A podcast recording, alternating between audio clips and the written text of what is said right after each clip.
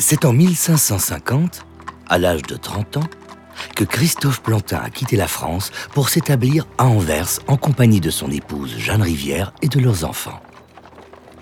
En sa qualité de relieur, Christophe percevait cette ville portuaire florissante comme étant un véritable Eldorado professionnel. Et en effet, son imprimerie a vu le jour peu après son arrivée. L'Officina Plantiniana. Le succès a été au rendez-vous. Plantin voyageait d'Anvers à Paris, puis à Francfort, avant de revenir sur ses pas. Dans l'intervalle, il a encore trouvé le moyen d'ouvrir une seconde imprimerie aux Pays-Bas. La vie qu'il menait n'était pas de tout repos. Sa seconde fille, Martine, n'appréciait pas vraiment les éternelles absences de son papa.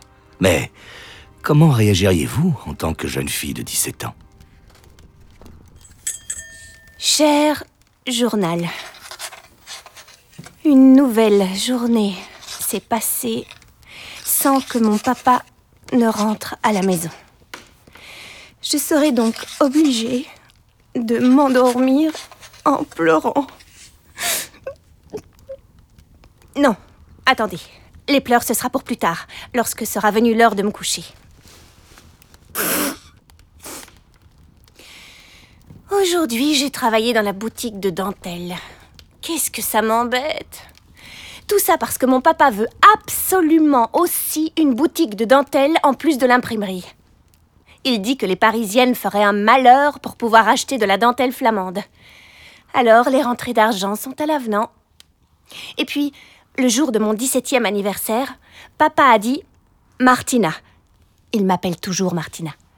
J'ai un beau cadeau pour toi. Dorénavant, tu seras responsable de la boutique de dentelle. Mais je ne veux absolument pas être responsable. Je veux être irresponsable. Je suis une adolescente. Me permettra-t-on enfin de faire la folle, s'il vous plaît? Je veux courir les fêtes. Je veux aller danser avec le prince de mes rêves.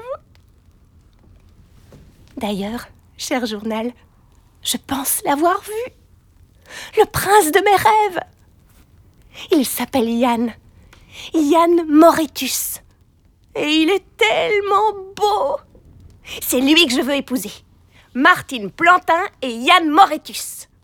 C'est comme le titre d'une belle romance, non?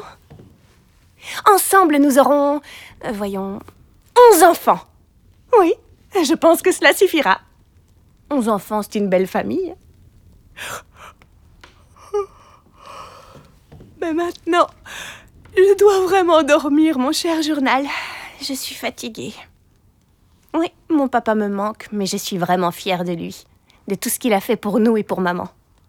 Bon, c'est décidé. Je dors maintenant. Ah non, j'avais oublié que j'allais m'endormir en pleurant. Alors allons-y.